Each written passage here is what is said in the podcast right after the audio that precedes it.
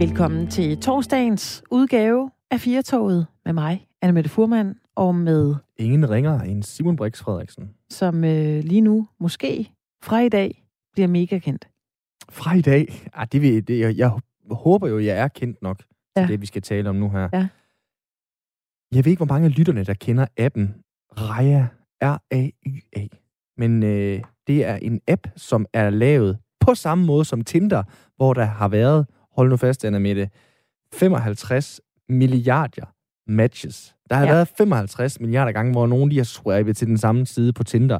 Men øh, nu er der simpelthen lavet en øh, Tinder for kendte, og det er så den her app, der hedder Raya. Den er eller... lige lidt lige lidt finere ja, end de andre. Ja, lidt finere. Bare lige lidt. Der skal lige lidt mere til, før man øh, kan blive godkendt. Det er de kendte dating-app. Simpelthen. Ja, der, ja. Øh, der skal, de skal, der skal ikke nogle, mænge øh, sig med pøbelen. Nej, lige præcis. Nej. Og øh, der er en af brugerne på Raya, en dansker, der står bag følgende citat på Ekstrabladet. Jeg føler sgu, det er blevet for akavet for mig at være på Tinder og matche med en eller anden, som så screenshotter og viser alle sine venner. Se, jeg er matchet med Yakuza, siger den danske rapper. Og så er det bare, jeg siger, hvem fanden er Yakuza? Ja, hvem altså, fanden er Yakuza? Hvem er det? Ja, men hun er åbenbart en af de heldige, der blev godkendt til Raja.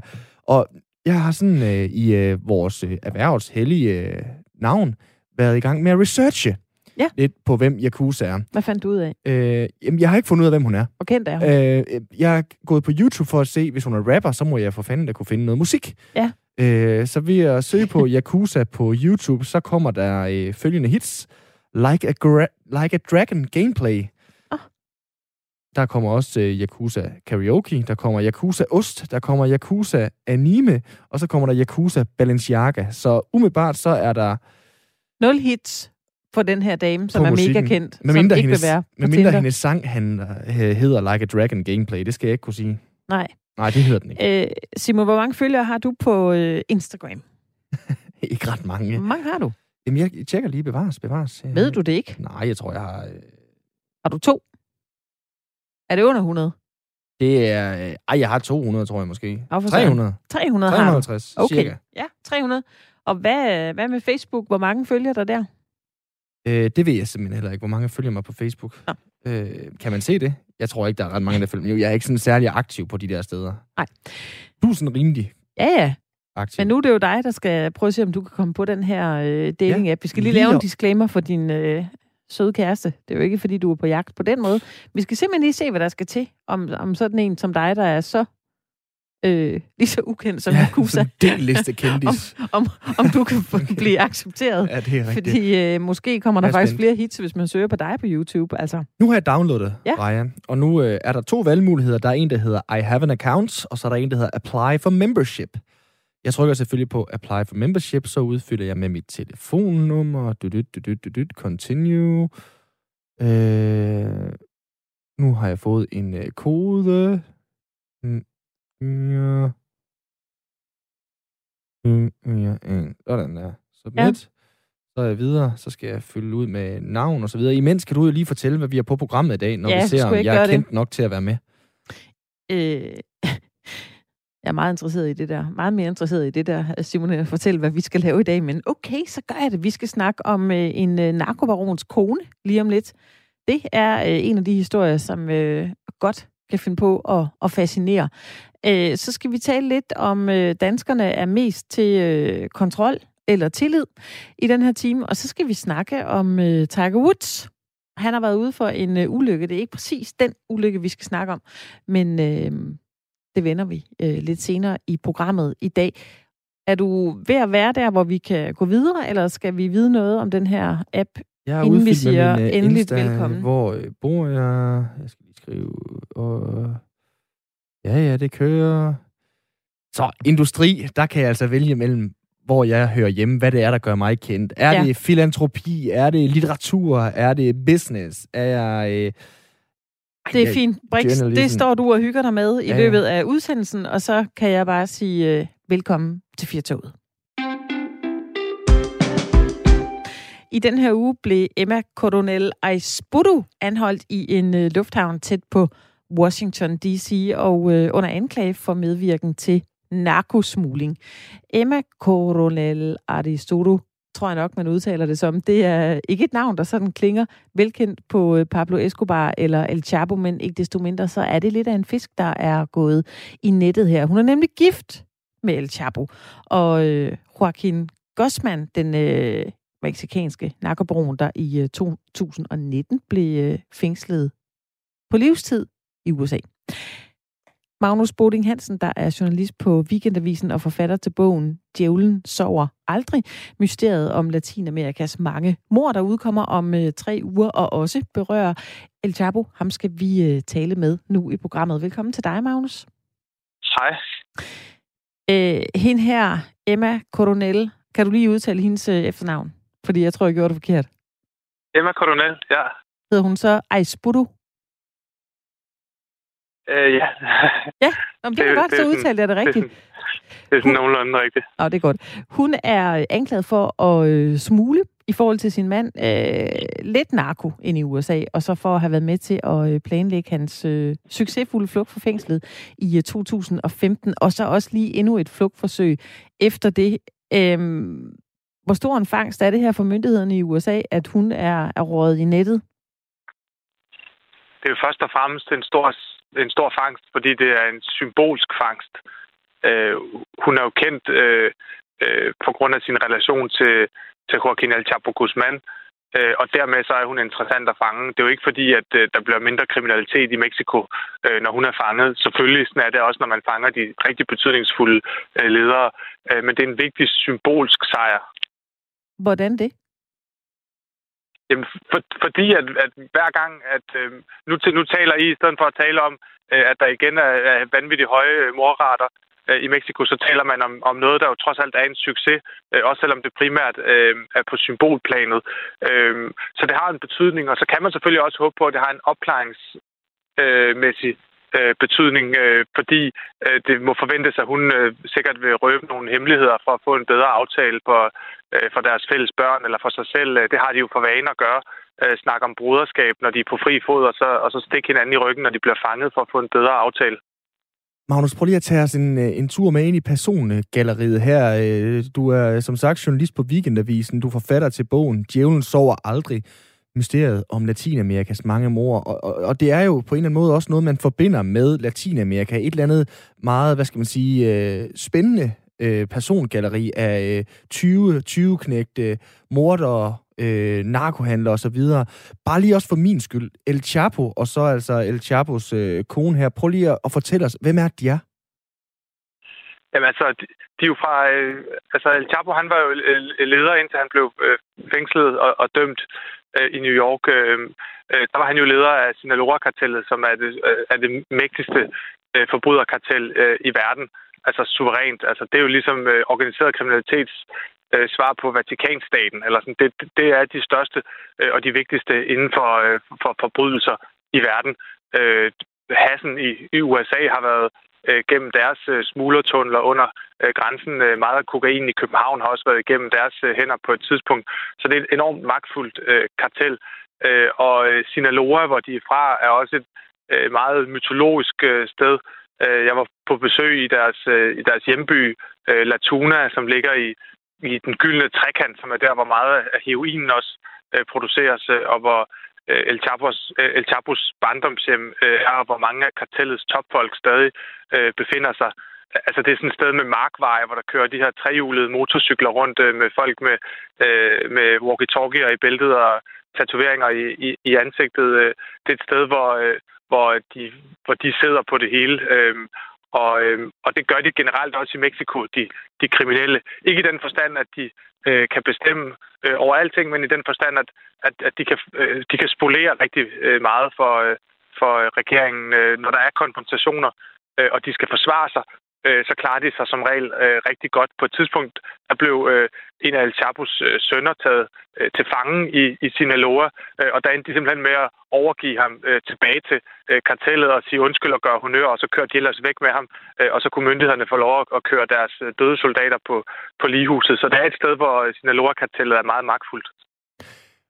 I forhold til sådan en øh, mand som øh, Pablo Escobar, som øh, de fleste måske har stødt på de sidste par år i en Netflix-serie, øh, men jo som også øh, skabt overskrifter over hele verden. Jeg tror, det var øh, syvende pladsen, han kom ind på på Forbes liste over de rigeste mennesker i verden.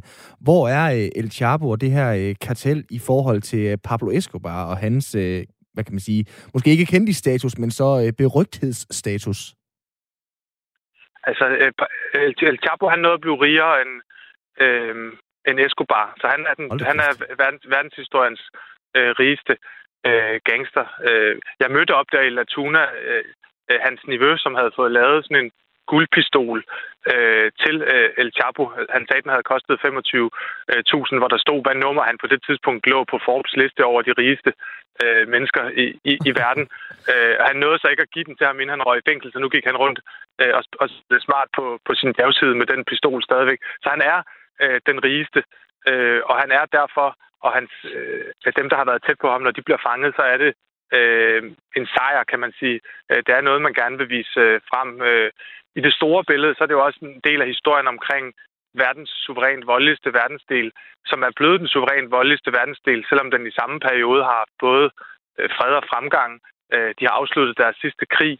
På, på papiret så har de gjort mange ting rigtige. Og Latinamerika er også et sted, som, som du lidt ansøger i din introduktion, som mange forbinder med, med lige så mange gode ting som dårlige ting. Øh, det er, en, det er en, en, en spændende kultur, og det er, øh, det er nogle øh, lande, hvor der er rigtig mange øh, gode ting også. Øh, men, men så har de altså sideløbende det her voldsmoras, øh, hvor det er som om øh, hele landsdel, øh, nogle steder også hele landet, øh, super ned i det her øh, voldsmoras, som på en eller anden måde bliver selvforstærkende. Det er også det, min bog handler om. Øh, og, og der kan det altså være svært at komme ud af det. Øh, og på en eller anden måde, så bliver de her fangster af de store ledere også et, et, et symptom på det, øh, fordi de viser netop den afmagt, øh, man har i bekæmpelsen af volden i Latinamerika. Altså man kan fange dem, der sidder på toppen af kransekagen, og alligevel så bliver det bare ved. Man kan skabe økonomisk vækst, og alligevel så bliver det bare ved. Øh, så der er en kæmpe stor afmagt i Latinamerika i kampen mod øh, kriminalitet.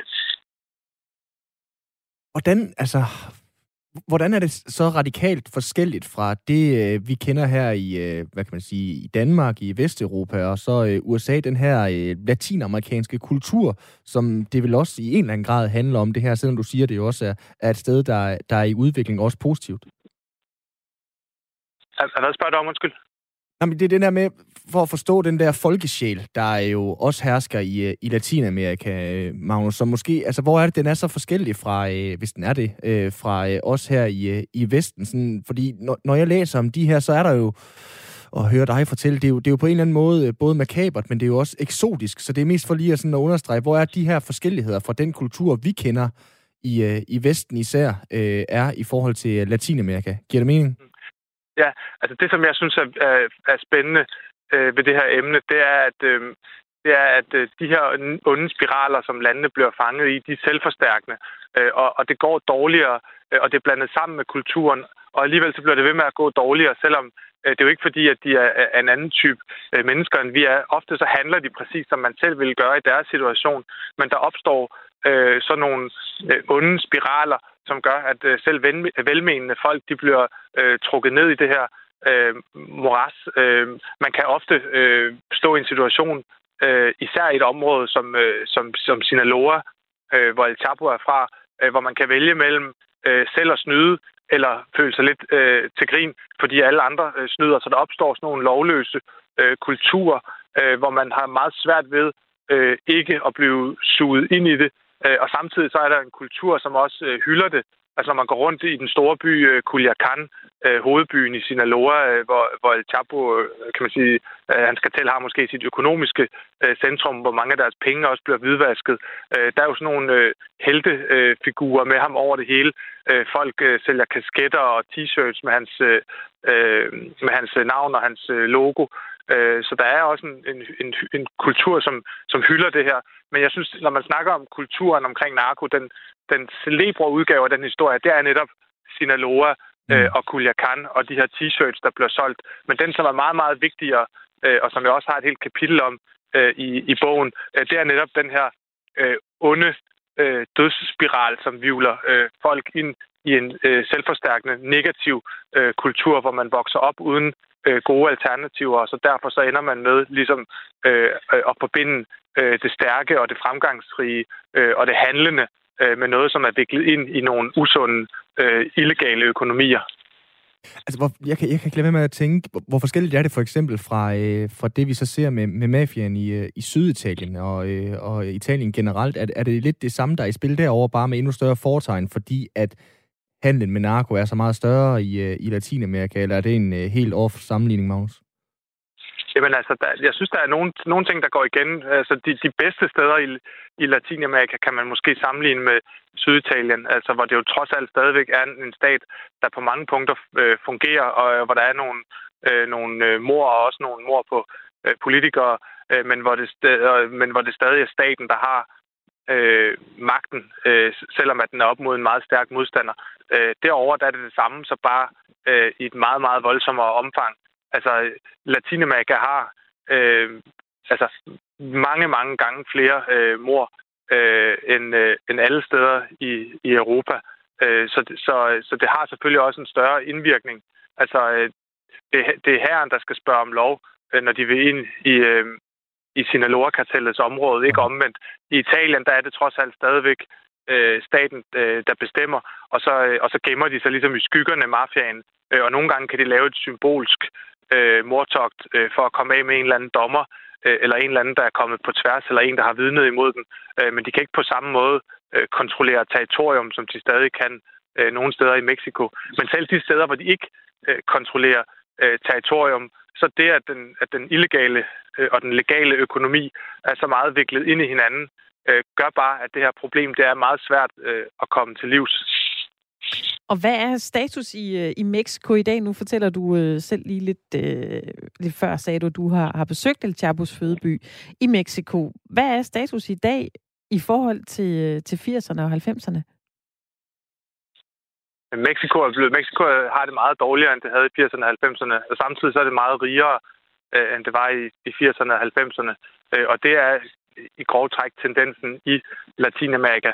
Øh, særligt siden årtusindskiftet har man haft øh, en voldsom øh, øh, vækst i, i morraterne, øh, og også en vækst øh, økonomisk. Øh, I Mexico der eskalerede det for alvor i 2006, paradoxalt nok, fordi man erklærede krig mod narkokartellerne. Øh, Øh, og man er altså fanget i sådan et ondt dilemma, hvor hvis man øh, går i krig mod dem, så skaber det mere vold, fordi så når der er en leder, der bliver taget ud af spillet, så kæmper øh, nummer to og nummer tre om, hvem der skal være den nye øh, nummer et. Og hvis man ikke bekriger dem, hvilket man også har prøvet i perioder øh, under den forrige præ- øh, præsident, øh, så vokser de så ligesom store og fede i fred og ro. Øh, så man er fanget i sådan et øh, dilemma, som gør, at det næsten øh, er ligegyldigt, om man øh, hopper eller står stille. Man kan måske bruge et billede med, med kviksand. Ikke? Altså hvis først man er i kviksandet, øh, så hvis du øh, bevæger dig for at komme ud af det, så synker du ned.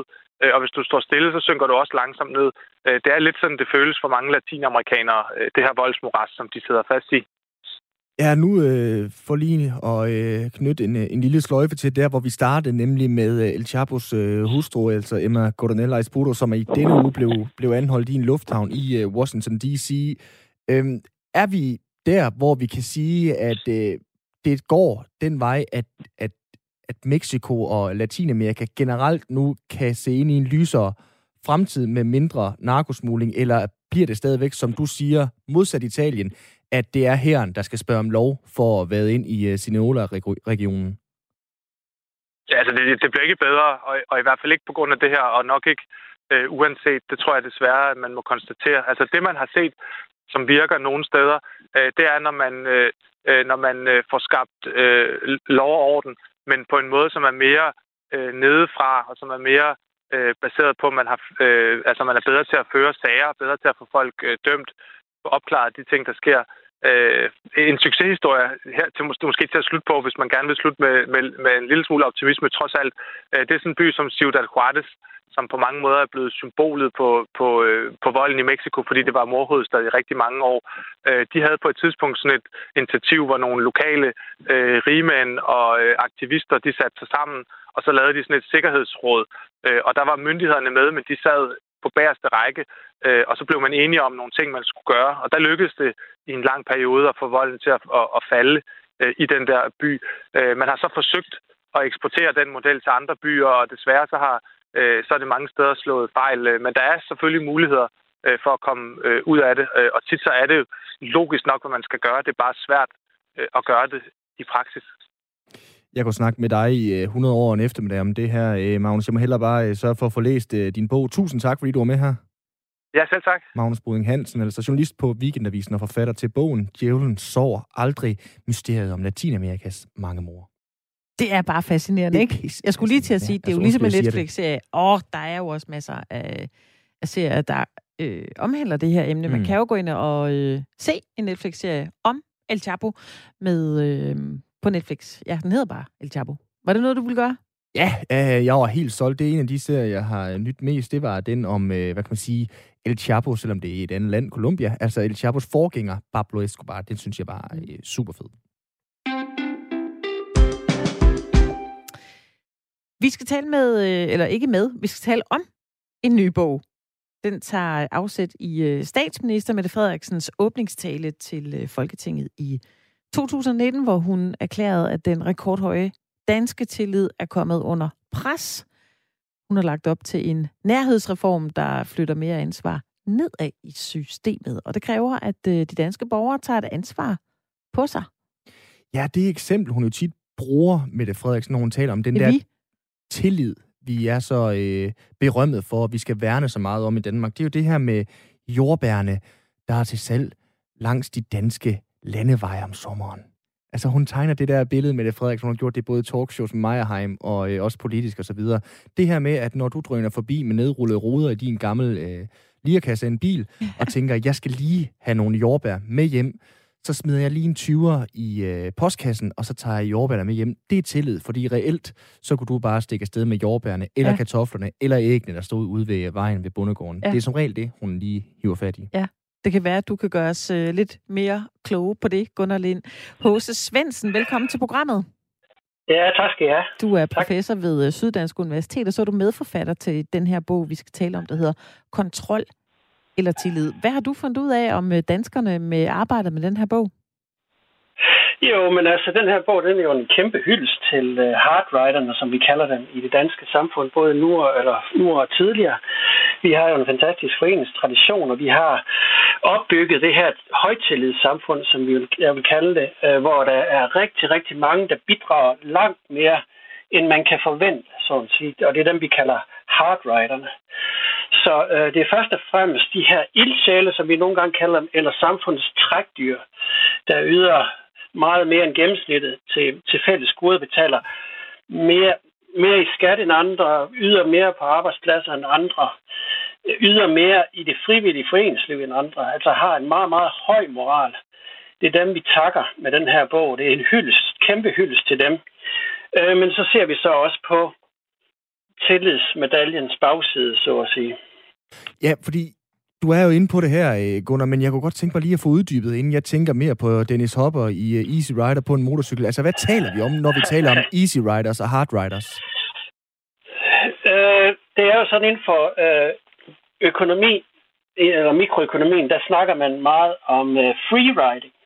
Og øh, vi har så omdøbt det til Easy Riding. Jeg ved ikke, om I kender Leo Mathisens hit der fra 1940'erne, Take it easy, boy, boy. Oh. Det er sådan set, det er lidt med, det er med et glimt i øjet selvfølgelig, men, men, men det er nok mere en mere realistisk uh, type end, end en, der overhovedet ikke bidrager en freerider. Så vi har omdøbt det. Uh, hardrideren i forhold til easy rideren, hvis det er det, du spørger om, jamen så uh, har vi nogen, der gerne vil gå under radaren, og uh, de falder det, man kalder for fristelsens løn. Øh, at, øh, at vi har et meget, meget mildt velfærdssamfund, og det skal vi være rigtig glade for selvfølgelig. Vi er meget tolerante, vi har nogle meget lave straffe i forhold til for eksempel Rusland eller Sovjetunionen, som jeg har beskæftiget mig med. Øh, især Sovjetunionen var ikke et særligt rart samfund at være i. Øh, men måske bliver vi nogle gange lidt for tillidsfulde. Så vi går egentlig tilbage til øh, det gamle øh, latinske øh, ordsprog, der hedder fide, sæt kui vide, altså stol på andre folk, men vær forsigtig med, hvem du stoler på. Altså, vi skal stole varsomt på andre. Øhm, og øh, her skal vi nok øh, skrive vi lidt om, om velfærdsideologien. Den tilsiger, at vi er blåøjet, og måske øh, er lidt for naiv nogle gange, inklusiv øh, mig selv. øh, så der har vi nogle helt konkrete, helt konkrete eksempler på det her cases øh, på det. Ja, fordi I siger jo lidt det her med, at, at Easy Riderne, de øh, bliver dels flere, og det er dem, der, øh, der kører lidt øh, på, øh, på et samfundsmæssigt frihjul. Altså for mig lyder det sgu også lidt som dogenskab. Altså hvis jeg skal oversætte det for eksempel til foreningslivet og de øh, fodboldklubber, og jeg har været aktiv i, så tænker jeg på sådan en, der lige tænker, ah, det der bestyrelsesarbejde, ja, det er der nok, skal, det er der nok lige nogle andre, der er klar. Simon, det skal ikke være, Simon, det skal ikke være dom uden rettergang. Det skal aldrig være dom, dom uden rettergang, for det kan være tusind øh, gode grunde til, at et, et menneske bidrager mindre end andre. Det kan være, at man har personlige problemer, for eksempel. Det kan være, at man er psykisk øh, sårbar. Det kan være rigtig, mm. rigtig mange legitime grunde. Det er derfor, vi snakker om legitime easy rider. Ah. Altså dem, der faktisk har lov til at tage den lidt med ro. De skal det faktisk. Det beder vi dem om. De arbejder for nedsat tid og så videre, og så er det illegitime easy rider. Og det er snyderne. Det er dem, der kan kamuflere sig som legitime easy rider, men som ikke er det. Øh, rent objektivt ikke er det. Øh, vi har et konkret eksempel med to arbejdsløse, eller vi har der er flere arbejdsløse, vi interviewet. Øh, og der er øh, Søren versus Lis. Lis, hun er den legitime easy rider. Hun øh, er nedslidt, Hmm. Øh, men hun har en kæmpe øh, arbejdsmoral. Hun siger, jeg vil gerne blive ved med at arbejde. Hun er faktisk ligesom, hvis du kender George Orwells Animal Farm, ja. ligesom bokser, altså den, der, den her arbejdshest, ja. der øh, når grisene beder dem om at arbejde mere, så siger bokser, jeg står tidligere op om morgenen, så jeg kan arbejde hårdere og længere, indtil bokser falder sammen. Og det er det, som Lis også risikerer, at hun simpelthen falder sammen. Hun signer, øh, fordi hun ikke øh, øh, går efter førtidspension. Det gør mm. Søren derimod. Søren er også en arbejdsløs, men han, øh, har, han siger, at han har ondt i benene, men han kan sagtens gå rundt, og han kan sagtens gå på jagt med sine venner, og han kan sagtens gå tur med hunden hver dag. Så det er faktisk utræ. Han er faktisk blevet grebet i, eller afsløret, så at sige, som en illegitim easy rider. Og der har vi forskellen, og det skal vi lære os måske endnu skarpere og skælde imellem. Og det er derfor, vi, vi mener, at den her terminologi kan være med til det, og det skal ikke være nogen klapjagt på nogen overhovedet. Okay. Ingen klaplagt, ingen stik, ikke noget stikkeri eller noget som helst, men bare øh, en, en måde, at man kan få det, øhm, en, altså, at det kan være en øjenåbner det her for læserne, og at, at man kan analysere, så at sige, lidt mere skarpt øh, med, den, med de her begreber. Ja, fordi det er i hvert fald noget, som... Som du selv siger, Gunnar, vi skal jo ja. passe på, at det ikke bliver en klapjagt. At jeg peger på en på gaden og tænker, hvad er det for en doven hund, der bare prøver at øh, næste lidt? Altså, det du siger, eller I siger, er det, at der bliver flere sørner eller flere lisser for at blive Nej, vi siger ikke, at der bliver flere. Når vi siger bare, at vi skal fremtidssikre vores fantastiske samfund. Øh, øh, vi, så, ligesom øh, Shubidua synger, ikke? Danmark er et dejligt land, ikke? fantastisk land, og det er det. Men vi skal justere hele tiden. Vi skal ikke være nationalt selvfede. Vi skal ikke sige, jamen velfærdsstaten den er per natur bare verdens bedste samfundsindretning. Nej, vi har kun os selv. Vi har desværre ikke nogen diamanter, vi kan sælge. Vi har ikke noget guld, vi kan sælge og få lette penge. Vi har kun os selv. Mm. Og derfor skal vi sørge for at bruge talentmassen så meget som overhovedet muligt. Og alle skal bidrage. Alle, der kan, skal bidrage. Nu sagde du det her, Gunnar, med, at øh, I sådan analyserer det lidt, lidt skarpere, end du øh, inddeler de her typer lidt. Men hvad skal vi bruge det til? Vi skal, du, du skal læse de der cases der, de er meget detaljerede. Og øh, du kommer fra, øh, du kommer ud i nogle øh, små virksomheder, hvor, hvor, hvor de bruger tillid i hverdagen øh, som smørmiddel for deres samarbejde. Og øh, der bidrager alle, det kan jeg love dig for. Det er også derfor, jeg selv kommer fra, fra Vestjylland. Så er der øh, tømmerfirmaet også. Der har vi en hverdagshelt, Flemming Christensen. Han øh, sørger for, at alle hans lærlinge bidrager lige meget og har færre spilleregler, som bliver hånd, håndhævet. Og så har vi de steder, øh, hvor der er problemer. Øh, og det er i, i vuggestuen for eksempel på Jobcenter, den internationale virksomhed Vallehøj Gymnasium kalder vi det, og vikarbyrået. Det var det, jeg sagde. Det var Søren mm. og Liste, og så var arbejdsløse kom der. Det, der er vigtigt her, det er, at, øh, at der er nogle klare spilleregler, og at en leder håndhæver dem. Altså ikke noget med selvledelse, løs selvledelse. Det er noget med, at man kender sin lus på gangen, og øh, tager en lille snak med en Easy Rider, der ikke øh, producerer så meget, der ikke leverer så meget som, som Hard Riderne i organisationen.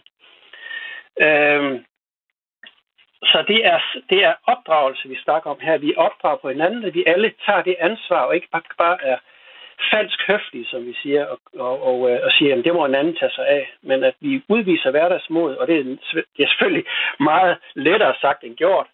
Men I kender vel godt til et, et eller andet fælles mm. møde, den oplevelse at se en kollega rejse sig op og sige noget, som alle har tænkt, men ikke turde at sige højt, og så holde fast i retfærdighed, ikke?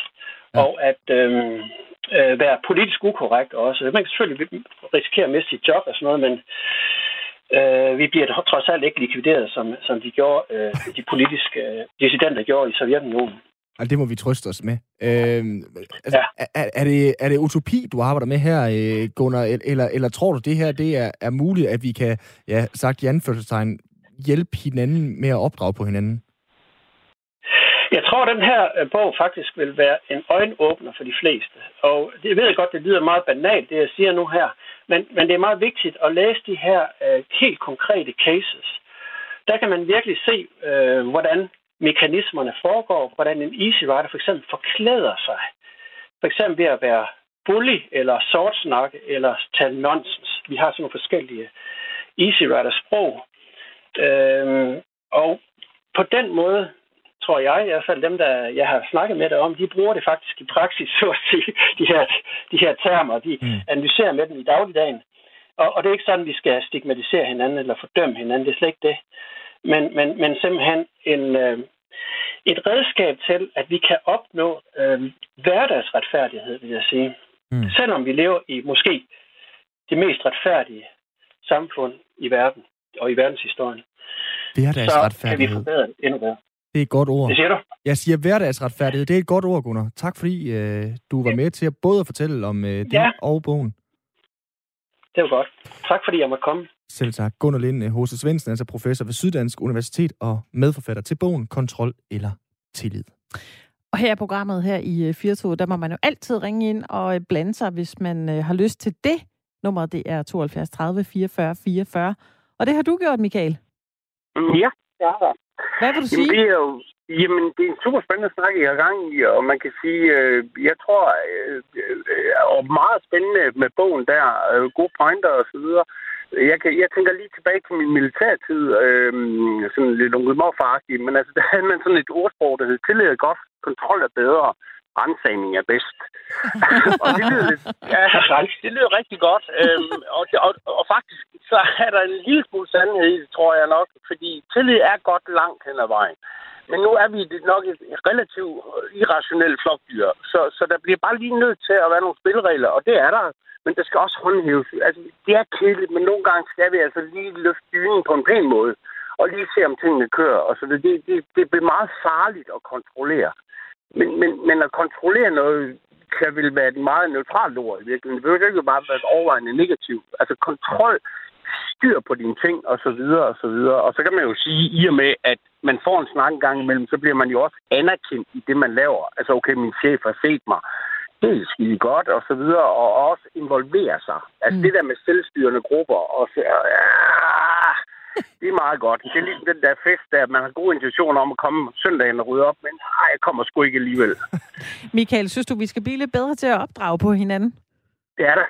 Øh, det skal vi slet ikke være bange for. Øh, fordi, det er, fordi når vi alle sammen nyder øh, fælles goder og, og alt det her, som vi nu har strikket rigtig godt sammen i det her velfærdssamfund, så har vi også en ret og pligt faktisk til nogle gange lige at lige ruske på en pæn måde, selvfølgelig altid på en ordentlig måde, konstruktiv måde. Lige sige, ah, det kan sgu godt være, at øh, du forlanger nogle ting, som du egentlig ikke selv giver. Og det må man faktisk rigtig gerne sige, fordi det er den der berømte finger, når du peger på nogen, så er der tre fingre, der peger tilbage. Og, og, og, og man kan sige, jo jo, og jo mere overskud man har, jo, jo flinkere, jo, jo mere kan man, altså det er jo mere kan give mere. Altså folk, der er presset, og det har altid en god forklaring. Hvorfor det umiddelbare røvhul ikke holder tilbage for mig, eller hjælper mig, eller, eller ja, men det uinteressante er, at der rent faktisk er en god forklaring på, hvorfor man ikke har overskud. Og, og, det, og det, det er sjovt at komme og fortælle til sine kollegaer, at han er bare sur, og sådan, i stedet for at være lidt nysgerrig på, hvorfor er hun eller han sur, og hvorfor mm. er det, det er, som det er. Men, Men, men ret og pligt til at opdrage, siger du, Michael. Altså, hvis ja. jeg spørger dig om på søndag nu, nu sørger du lige for at komme med ned og så hjælpe med at rydde op efter festen i øh, fodboldklubben. Jeg gider ikke stå med det hele selv. Er det ikke grundlæggende ja. pivirriterende, at jeg siger det til dig? Nej, det er det faktisk ikke, fordi hvis jeg selv har været med til festen øh, om lørdagen, øh, så, så, så bliver jeg jo også nødt til at indse et eller andet sted, at jeg skal komme hjælp en gang imellem øh, med at rydde op om søndagen, for så bliver der ikke ved med at være nogen fest. Fordi så brænder man også den ildsjæl ud på et tidspunkt, som hele tiden står med opvasken og hele tiden gør alle de træls ting. Nej, der er bare nogle gange, at det er mandag morgen, og det er modvind, og det er op bakke, og, og det er pisseirriterende. Men jeg tror bare, at et langløb er det rigtig, rigtig godt. Og, og skal man kalde det opdragelse? Det lyder sådan lidt... Nej, jamen, man kan få en snak om tingene. Man kan tale pænt. Altså, jeg har altid... Altså, nu har jeg en fortid i kommunikationsbranchen. Og man kan sige, at burgerbolle, burgermetoden har altid virket for mig. Altså, man starter med brødet, noget godt, brød, og siger, ah, men det skal vi skive. Og så bøffen er imellem. Og så kommer vi til the beef, altså det, det handler om og så slutter vi lige af med underbollen. Men ellers så bliver det skide godt det hele, hvis vi gør sådan og sådan og sådan. Altså, man skal tænke rigtig meget over, når man leverer sit budskab. Tak skal du have, Michael. Vi tager øh, burgermetoden øh, til os. Mm. Den er noteret. Tak, fordi du ringede ind til os. Det var så lidt. God dag. Hej, hej. hej. hej. Ja. Jeg, jeg kommer til at tage det her klip med i næste gang, jeg skal diskutere med de ret nogen, mange kammerater, jeg har, som lige plejer at sove lidt længere om søndagen, når vi har været til fest, og måske ikke lige når at rydde op. Mm. I starten af den her time, der øh, skulle du ind på den her øh, kendis-app. Ikke Tinder, mm. men dog en dating-app for ja. øh, meget kendte mennesker. Reja og øh, ja. Ekstrabladet har jo lavet artiklen om den her øh, kunstner, hip-hop-kunstner, danske hiphopper, der hedder Yakuza, som ja vi ikke aner, hvem er. Ej. Det gør vi stadig ikke. Vi, vi øh, vurderede, at du måske kunne være lige så kendt ja.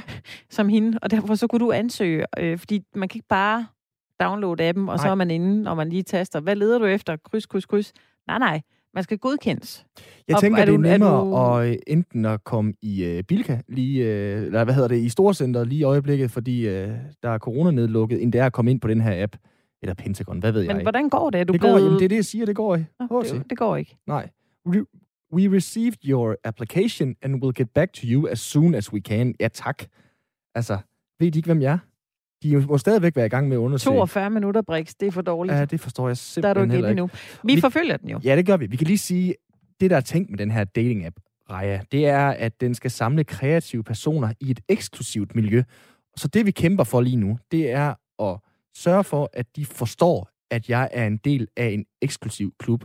Jeg ved ikke, øh, hvad for en bogstav, jeg får i kendisrækken. Der, der er A-kendiser, det er Kasper Christensen, kronprins Frederik. Fær nok, jeg ikke er deroppe, så er der B-kendiser, C-kendiser. Jeg vil vide, hvad for en bogstav jeg er på kendislisten, inden jeg går hjem i dag.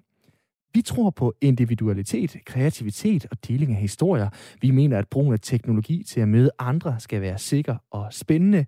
Vi værdsætter respekt, venlighed og tillid. Vi mener, at folk ikke kun er brugere, de er medlemmer af samfundet, der frit kan udtrykke sig på en hver måde. Det er sådan, Raja skriver om deres Raja-app, som altså er stadigvæk en anelse svær at øh, mm. komme ind på. Jeg glæder mig. Jeg glæder mig meget til at se, hvilke bogstaver, om du nogensinde øh, kommer ind. Den forfølger vi skuffet, senere. Jeg kommer ind. Ja. Vi lover lytterne, at vi øh, forfølger den. Many doubted we'd ever see it. But here it is. The return to glory.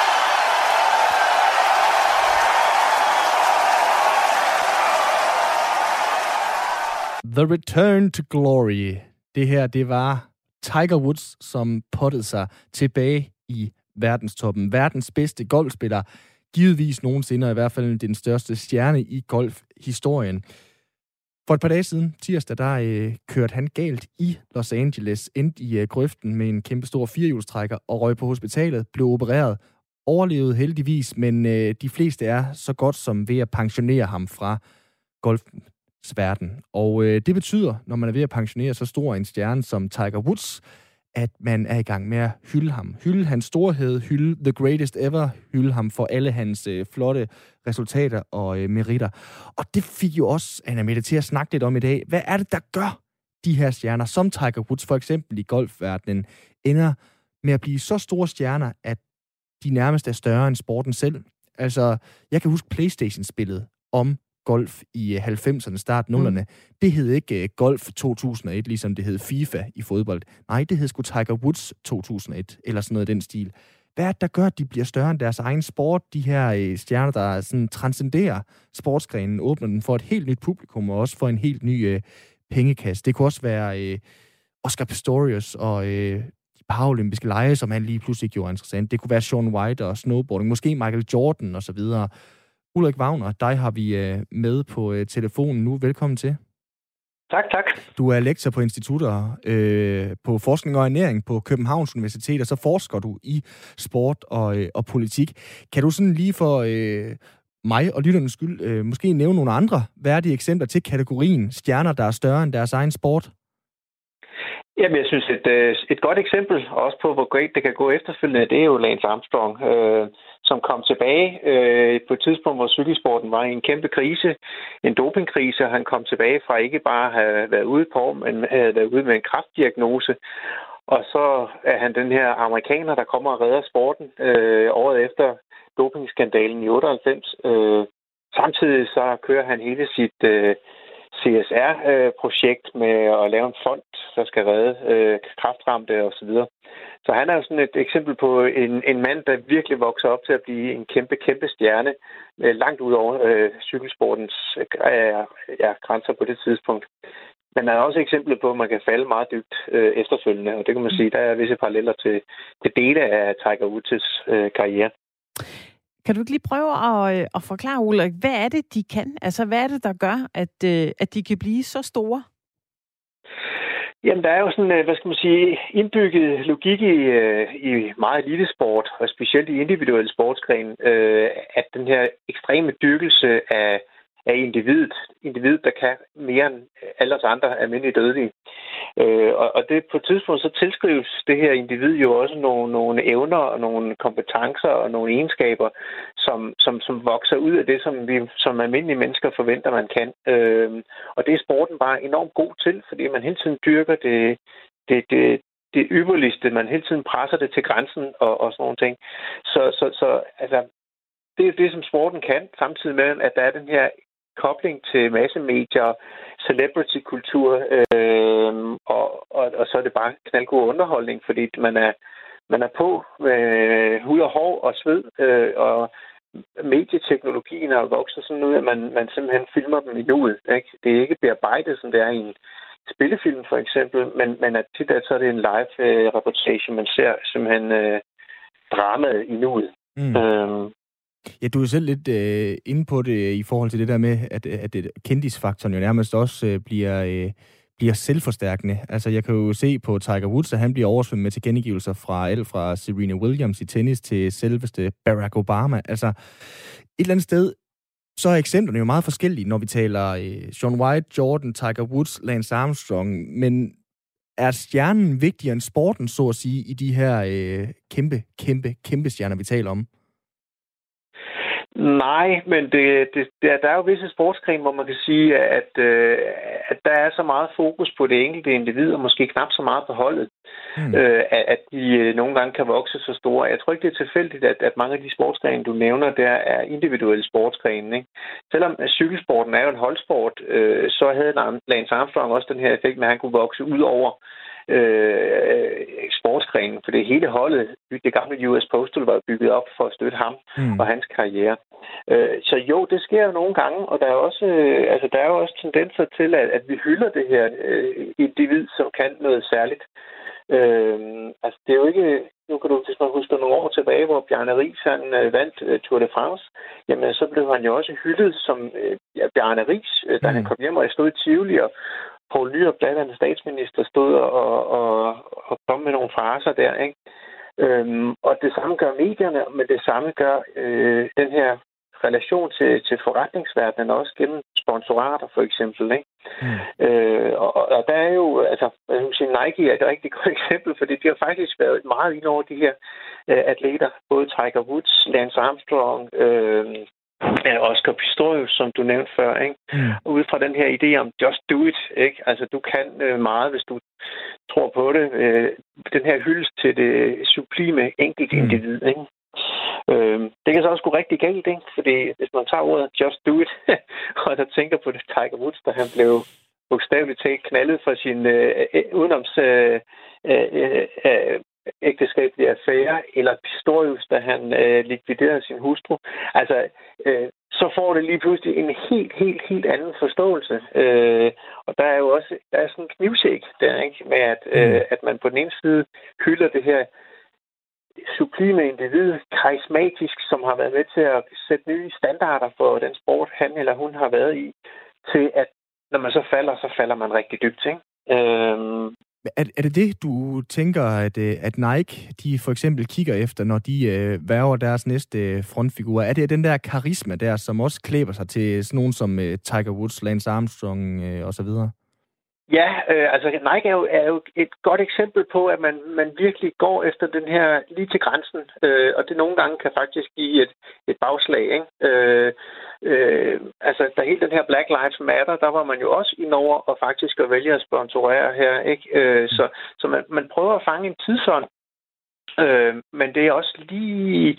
Og det er jo kontroversielt, ikke? Black Lives Matter, specielt i en amerikansk øh, kontekst, er jo meget omdiskuteret. Og der, der siger Nike måske, nu sætter vi alt ind på det og vælger at, at, at, at brande os på det. På samme måde var det jo også med Tiger Woods. Øh, en, en karismatisk øh, fyr, som går ind i, øh, i golfsporten, som traditionelt er hvid og meget konservativ, Uh, han kommer som farvet atlet, uh, er også med til at sætte nye standarder for, hvordan man træner, for eksempel styrketræning som golfspiller. Det var ikke øh, det, man altid så. Og så bygger man sit brand op på det, og der kan man også lige pludselig fejle jo i det øjeblik, hvor atleten fejler, ikke? fordi at det er jo det kan jo det kan vælte, ikke? Det samme med, øh, med Lance Armstrong, ikke? Der væltede korthuset også, ikke?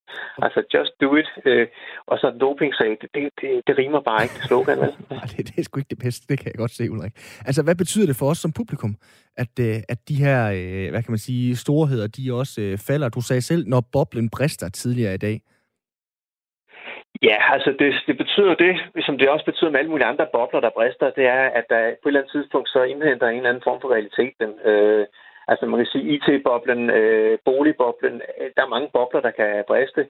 Øh, og, og måske er det, vi sådan set skal lære ud af det her, det er at være en eneste mere kritiske over for specielt sporten, og, og måske det her dele af, den, af, af medierne, som helt ukritisk hylder de her helt fantastiske atleter, øh, og sådan hele tiden stille sig det spørgsmål, det kommer med en pris. Øh, enten en pris i form af nogle forfærdelige forhold, atleter har levet efter øh, en, en årrække, eller også, at øh, på et tidspunkt, så er der en pris, når atleter skal om på den anden side af, af den aktive karriere, ikke? Hvor, hvor det lige pludselig er, er svært at, at leve med, at man engang har været et karismatisk hyldet øh, atlet til lige pludselig at skulle være i anførselstegn et almindeligt menneske, som måske har lidt flere penge på bankkontoen, end vi andre har. Ikke? Mm. Men øh, så, så, så lad os være kritiske over for dem. Lad, lad være med at være, blive forblændet af de her meget i øjenfaldende få atleter, som, som virkelig bliver hypet til, til skyerne. Altså når de her stjerner som Tiger Woods, de, de ender med at, ja, som vi kalder det, transcendere deres øh, egen sport. Når de, når de bliver skabt, så handler det jo både om personlighed, men selvfølgelig også om det sportslige niveau. Altså sådan en som Tiger Woods og mange af de andre, de er jo også at betragte som både introverte og generte og nærmest sådan lidt sky. Hvordan hænger det øh, egentlig sammen med, at det så er nogen, vi i så stor grad følger og øh, lever med i, så at sige, som publikum?